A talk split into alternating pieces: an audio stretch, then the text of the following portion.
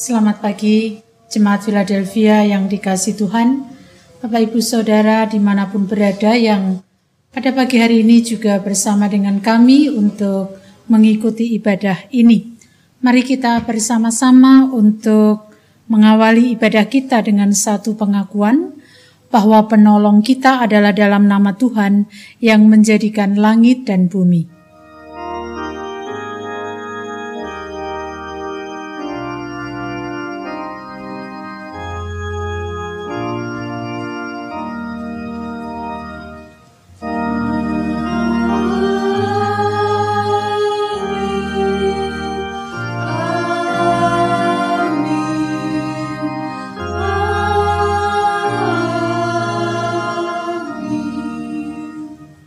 Kasih karunia dan damai sejahtera dari Allah Bapa kita dan dari Tuhan Yesus Kristus menyertai saudara sekalian. Dan menyertai saudara juga. Nats pembimbing dalam ibadah ini diambil dari Markus 14 ayat 38, Berjaga-jagalah dan berdoalah supaya kamu jangan jatuh ke dalam pencobaan. Roh memang penurut, tetapi daging lemah. Mari kita bersama-sama untuk terus beriman kepada Tuhan kita, memiliki Allah yang senantiasa memelihara iman kita. Kita bersama-sama dengan sukacita menyanyikan Kidung Jemaat 3 bait 1 dan 4. Kami puji dengan riang.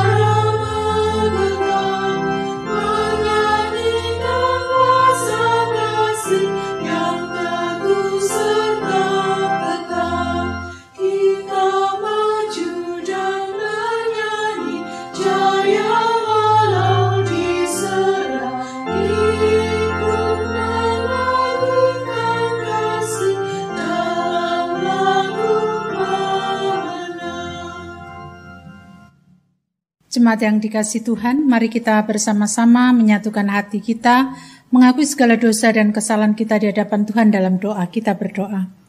Dengan segala kerendahan hati kami datang kepadamu ya Tuhan, mengakui segala kekurangan dan dosa serta kesalahan kami. Seringkali ketika kami menghadapi berbagai macam hambatan dan tantangan, bahkan godaan yang selalu menimpa hidup kami, sering kami ragu. Oleh karena itu ya Tuhan, dengan segala kerendahan hati, kami mohon pengampunanmu karena kekurang percaya kami kepada Engkau.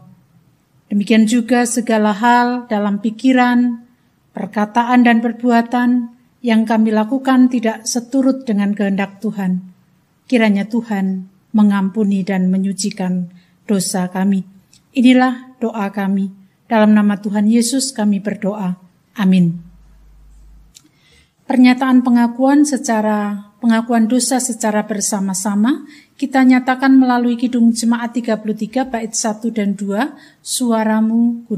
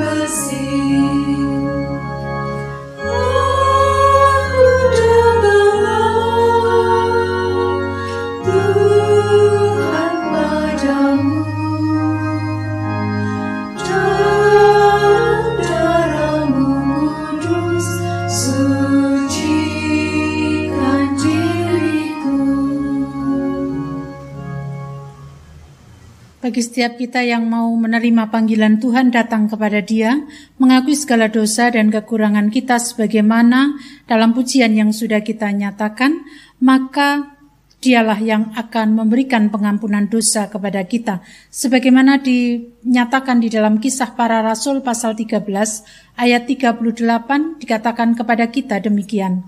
Jadi ketahuilah, hai saudara-saudara, oleh karena dialah maka diberitakan kepada kamu pengampunan dosa. Demikianlah berita anugerah dari Tuhan. Syukur kepada Allah. Kita sambut dengan pujian dari Kidung Jemaat 54, bait 1 dan 4 tak kita menyerahkan.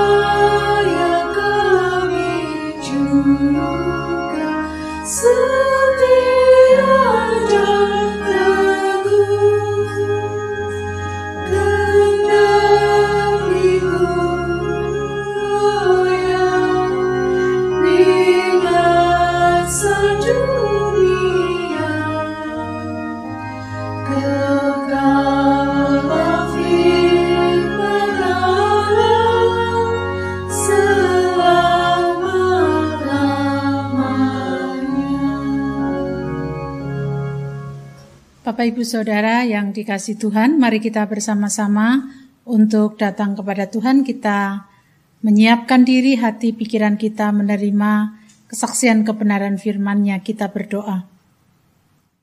Ya Tuhan Allah di surga, kami rindu Tuhan menyapa kami supaya melalui sapaan Tuhan kami dikuatkan iman kami dalam menghadapi segala sesuatu yang terjadi atas hidup dan kehidupan kami.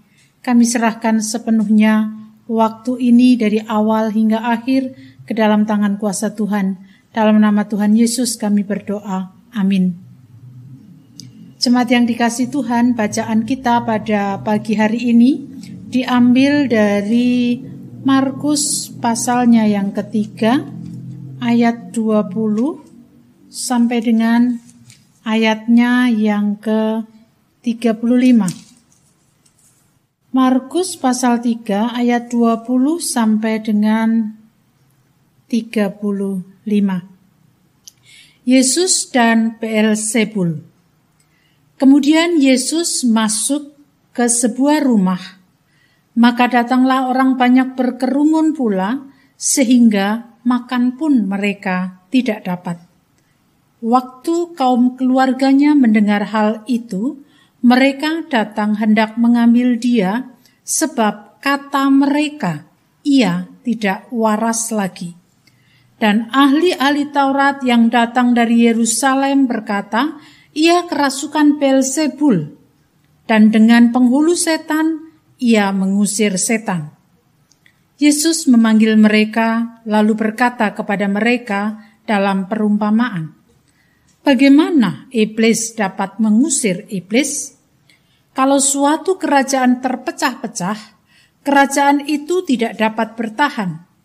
Dan jika suatu rumah tangga terpecah-pecah, rumah tangga itu tidak dapat bertahan. Demikianlah juga kalau iblis berontak melawan dirinya sendiri, dan kalau ia terbagi-bagi, ia tidak dapat bertahan, melainkan sudahlah tiba kesudahannya. Tetapi tidak seorang pun dapat memasuki rumah seorang yang kuat untuk merampas harta bendanya apabila tidak diikatnya dahulu orang kuat itu. Sesudah itu barulah dapat ia merampok rumah itu. Aku berkata kepadamu, sesungguhnya semua dosa dan hujat anak-anak manusia akan diampuni. Iya, semua hujat yang mereka ucapkan. Tetapi apabila seorang menghujat Roh Kudus, ia tidak mendapat ampun selama-lamanya, melainkan bersalah karena berbuat dosa kekal. Ia berkata demikian karena mereka katakan bahwa ia kerasukan roh jahat. Lalu datanglah ibu dan saudara-saudara Yesus. Sementara mereka berdiri di luar, mereka menyuruh orang memanggil dia. Ada orang banyak duduk mengelilingi dia, mereka berkata kepadanya, Lihat, ibu dan saudara-saudaramu ada di luar, dan berusaha menemui engkau. Jawab Yesus kepada mereka, "Siapa ibuku dan siapa saudara-saudaraku?" Ia melihat kepada orang-orang yang duduk di sekelilingnya itu dan berkata, "Ini ibuku dan saudara-saudaraku. Barang siapa melakukan kehendak Allah, dialah saudaraku laki-laki, dialah saudaraku perempuan, dialah ibuku." Demikian tadi bacaan kita yang hendak kita renungkan bersama-sama. Berbahagialah kita yang mau mendengar, merenungkan, bahkan melaksanakan di dalam kehidupan sehari-hari. Haleluya.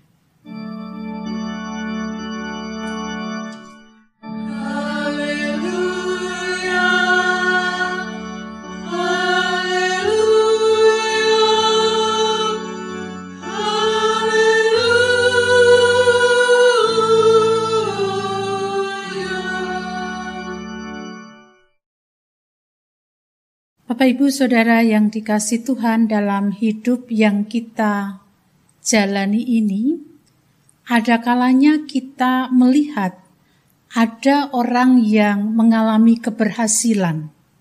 Keberhasilan itu bisa dilihat dari berbagai macam hal. Misalnya terkait dengan kedudukan, terkait dengan harta benda, ataupun juga terkait dengan banyak orang yang mengikuti atau banyak pengikutnya. Nah, apa respon dari orang-orang yang ada di sekitarnya? Kalau itu terjadi atas hidup dan kehidupan kita, atau kalau itu terjadi pada kehidupan orang lain, kita jujur, sering kali kita iri. Kita tidak suka dengan keberhasilan orang lain. Kita tidak suka dengan apa yang dicapai oleh orang lain. Sehingga ada upaya-upaya untuk melakukan sesuatu supaya orang yang berhasil itu supaya orang yang sukses itu entah dalam uh, beberapa hal yang sudah saya sebutkan tadi atau mungkin dalam hal yang lainnya dia tidak akan uh, mengalami sebagaimana yang kita lihat. Atau mungkin juga ketika itu terjadi dalam diri kita. Tidak semua orang juga suka terhadap apa yang kita alami dan ketika orang tidak suka dengan apa yang kita alami, bisa saja orang itu melakukan segala sesuatu untuk menjatuhkan kita. Itu dinamika hidup dalam kehidupan dunia ini. Walaupun ada orang yang suka dengan kesuksesan seseorang, tetapi harus kita tahu bahwa ada orang yang juga tidak suka atas kesuksesan dan keberhasilan seseorang. Bapak Ibu Saudara yang dikasih Tuhan, sejak awal karyanya Yesus memanggil secara khusus beberapa orang untuk memperluas karyanya supaya karyanya tidak hanya di tempat-tempat tertentu tetapi bisa disampaikan di lebih banyak tempat. Itu sebabnya ia memilih 12 orang dan mempercayakan kepada mereka kuasanya. Termasuk kuasa mengusir roh jahat.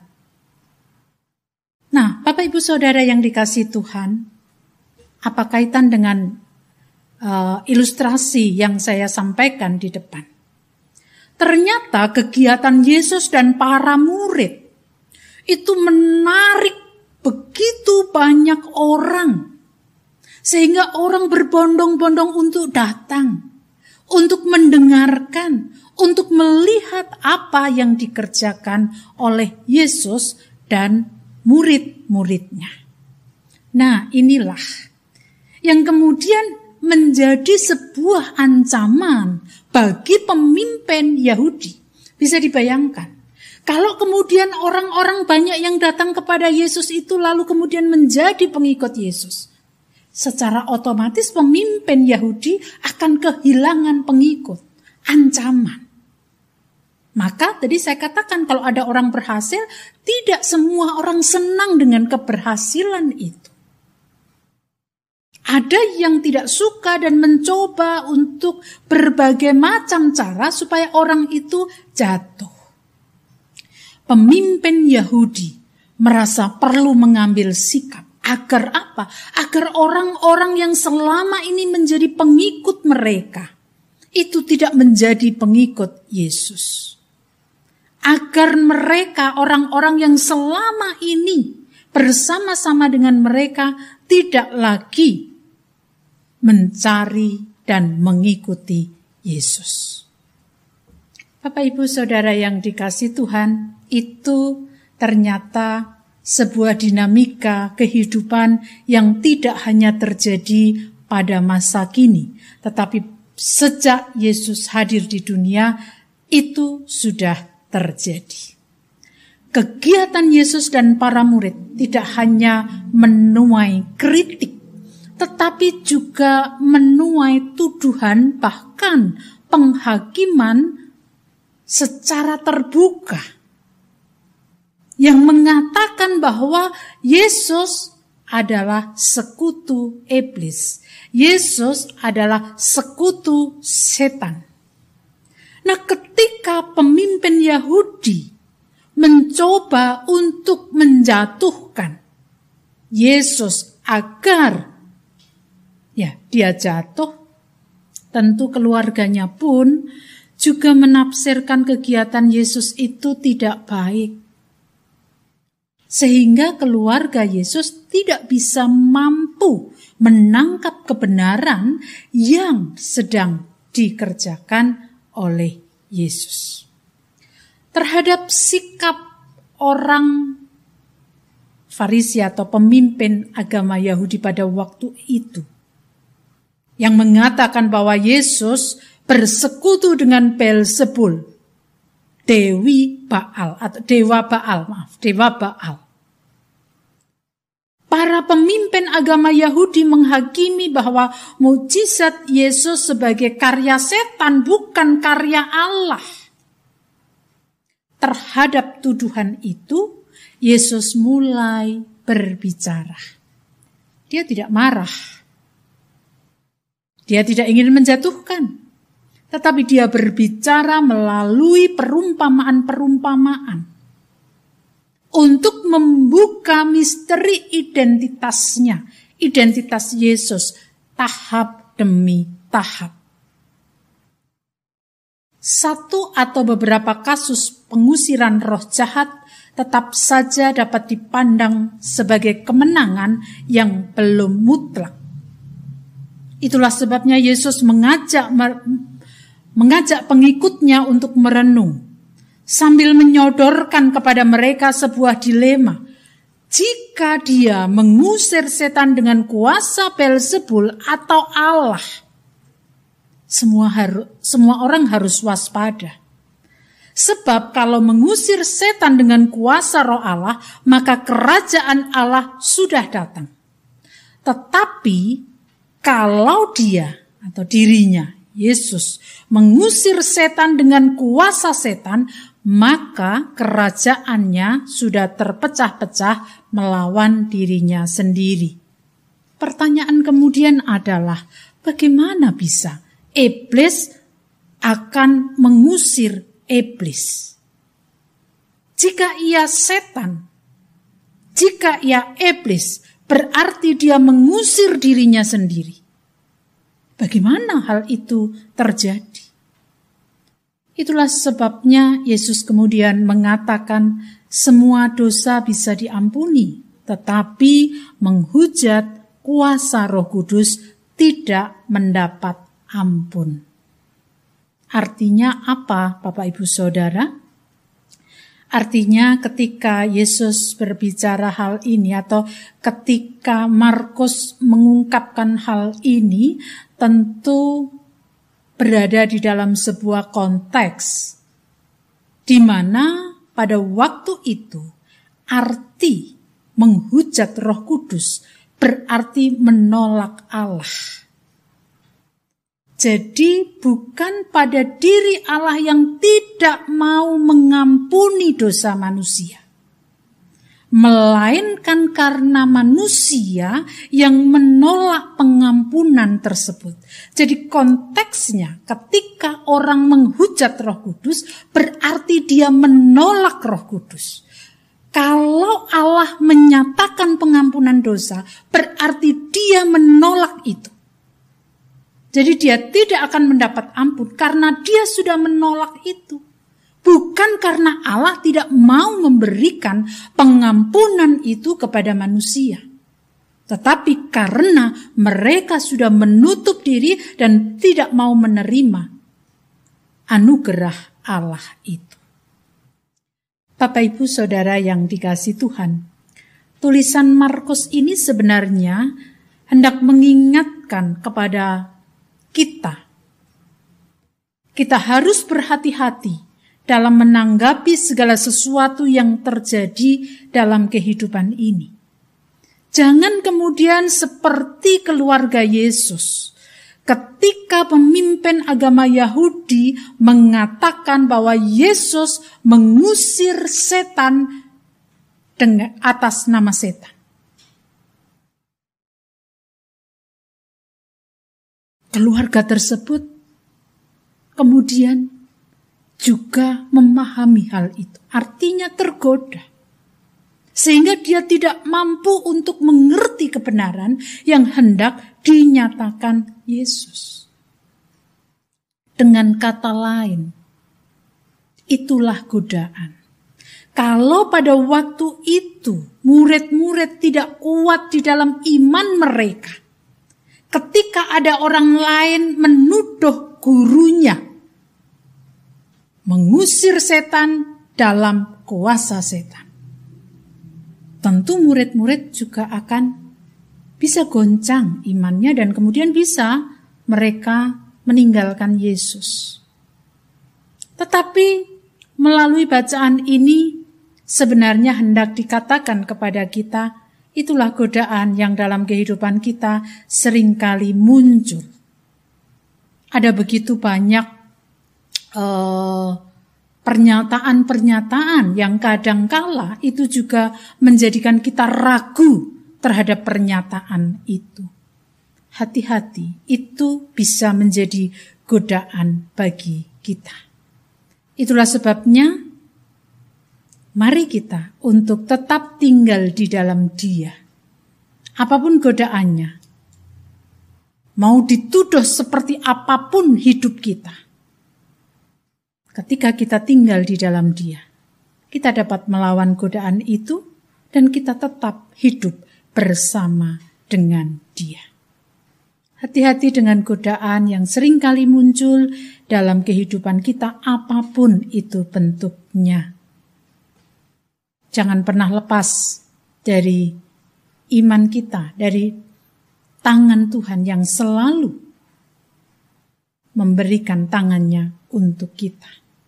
Lawan segala godaan, dan itu bisa kita lakukan ketika kita tinggal di dalam Dia, ketika kita bersama dengan Dia, ketika kita belajar terus tentang Dia. Maka, ya, apa pun kita tidak akan menolak. Dengan kata lain, berarti kita tidak menghujat Roh Kudus, tidak akan pernah menghujat Roh Kudus. Dengan kata lain, kita mendapatkan anugerah dari Allah. Mari, Bapak Ibu Saudara, terus kita tingkatkan iman kita, lawan godaan apa pun yang terjadi atas hidup dan kehidupan kita. Amin. Saat teduh bagi kita semuanya.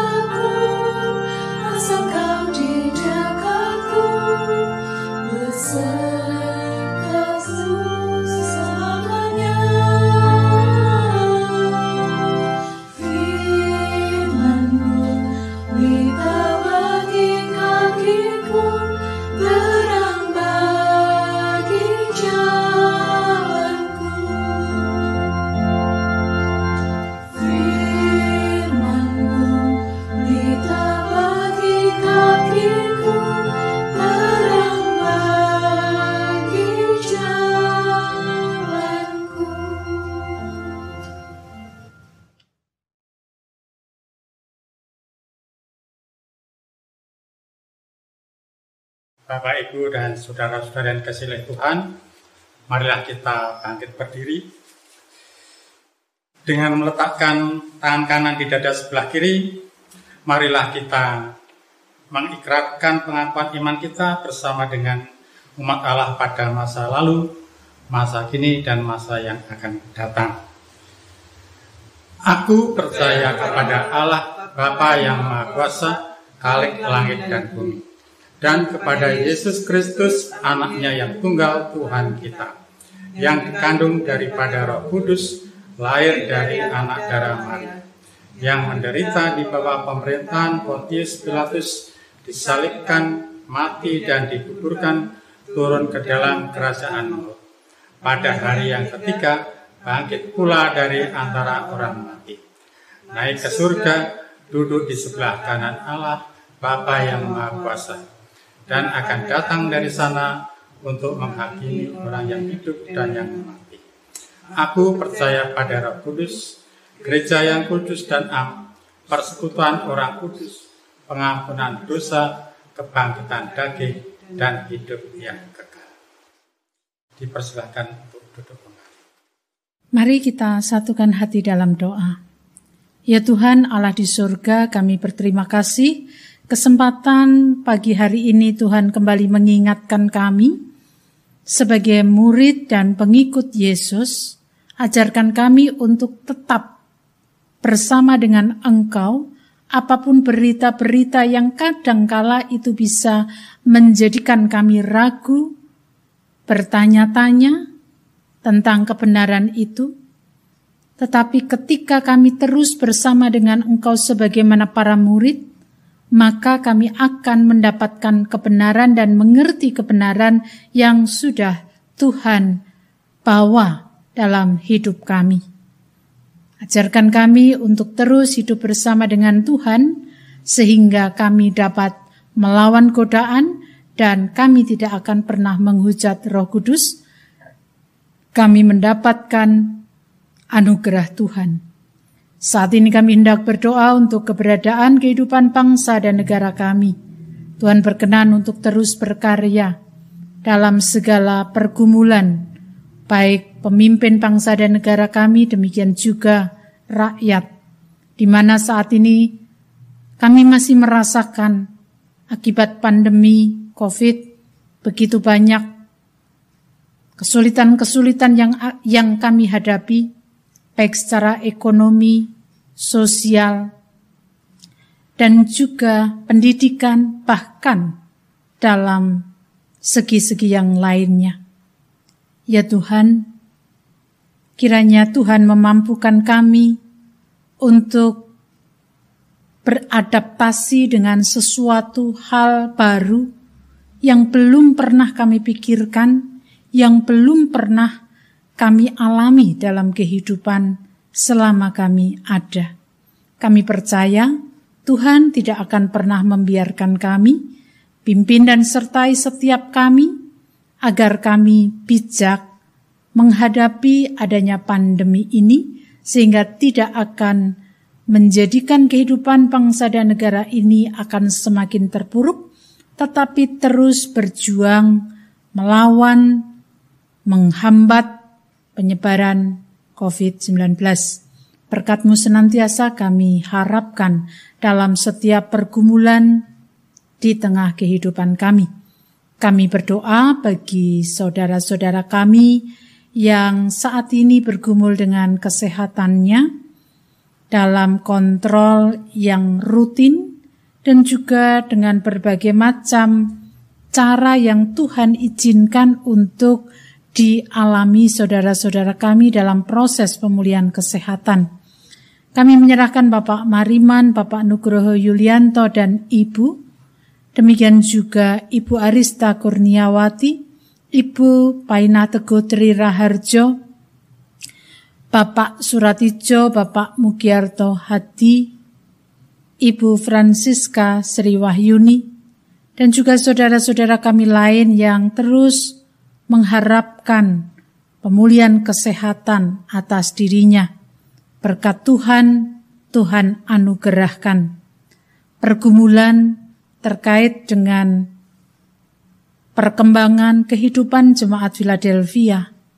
Ya Tuhan, Engkau yang memiliki gerejamu ini. Kiranya Tuhan memberikan semangat kepada kami dalam keterbatasan banyak hal, baik itu finansial, sumber daya, ataupun juga hal-hal yang lain.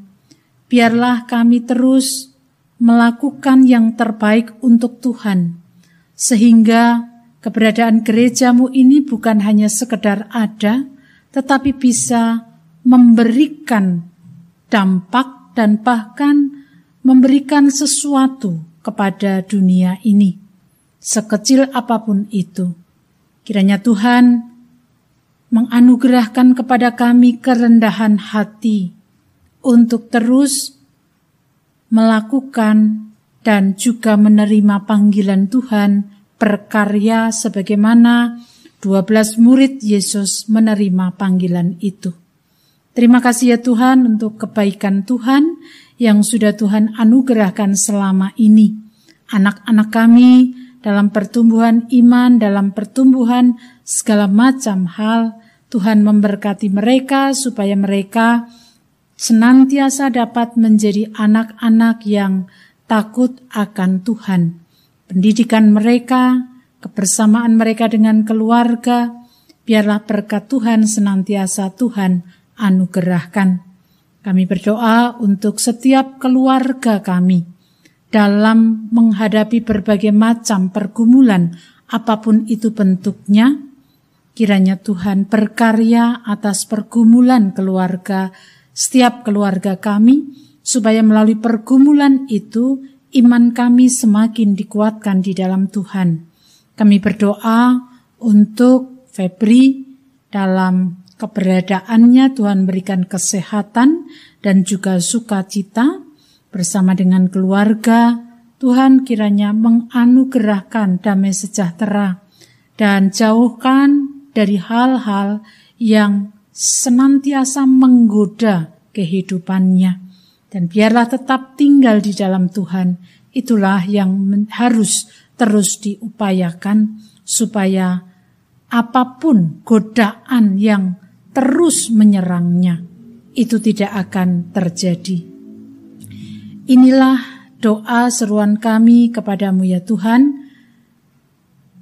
Kesempurnaan atas doa kami kami serahkan di dalam nama Tuhan kami Yesus Kristus yang telah mengajarkan kepada kami doa Bapa kami.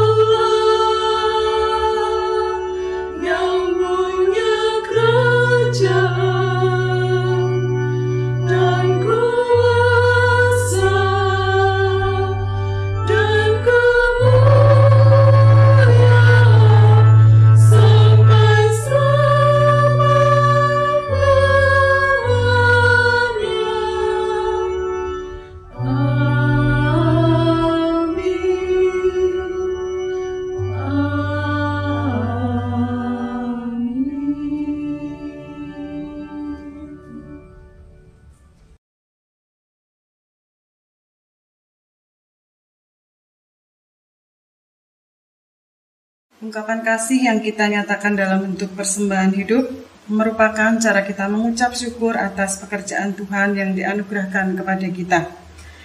Dasar persembahan diambil dari Mazmur 9 ayat yang kedua. Aku mau bersyukur kepada Tuhan dengan segenap hatiku. Aku mau menceritakan segala perbuatanmu yang ajaib. Kita menyanyikan pelengkap hidup jemaat 150 bait pertama dan ketiga. Ya Tuhan, hanya inilah.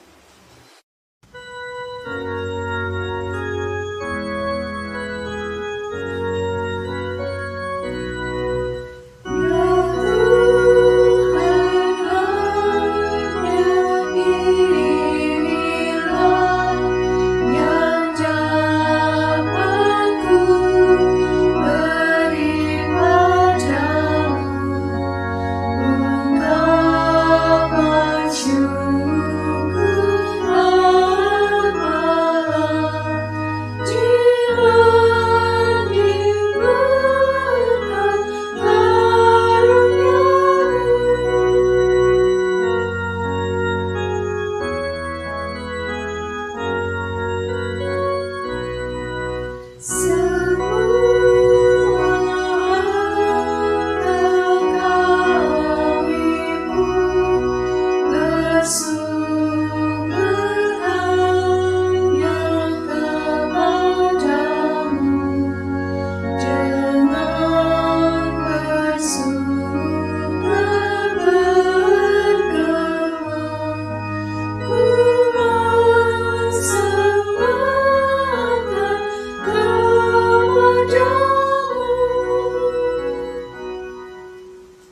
kita bawa persembahan syukur kita kepada Tuhan dengan doa. Kita berdoa. Tuhan, inilah ungkapan syukur kami yang kami naikkan kepadamu. Hanya sebagian kecil Tuhan ungkapan ini tidak sebanding dengan berkat yang begitu berlimpah yang kau curahkan dalam kehidupan kami hari lepas hari. Terima kasih Tuhan, terima kasih atas pemeliharaanmu pada hidup kami. Dan saat ini kami boleh nyatakan dalam bentuk persembahan syukur. Berkatilah persembahan kami Tuhan, kuduskanlah, dan biarlah apa yang telah kami kumpulkan boleh bermanfaat untuk jemaatmu di Philadelphia ini. Terima kasih Tuhan. Dalam nama Tuhan Yesus kami berdoa dan mengucap syukur. Amin. Seringkali kita harus menghadapi godaan di tengah kita agar kita bimbang, agar kita ragu. Tetapi ketika kita terus bertegun di dalam Dia, tinggal di dalam Dia, kita akan menang melawan godaan yang sering kali menggoda kita. Mari kita bersama-sama untuk bangkit berdiri, kita lawan godaan apa pun dan kita bertekun di dalam dia. Kidung Jemaat 436 bait 1 dan 3, lawanlah godaan, kita pujikan dengan bangkit berdiri.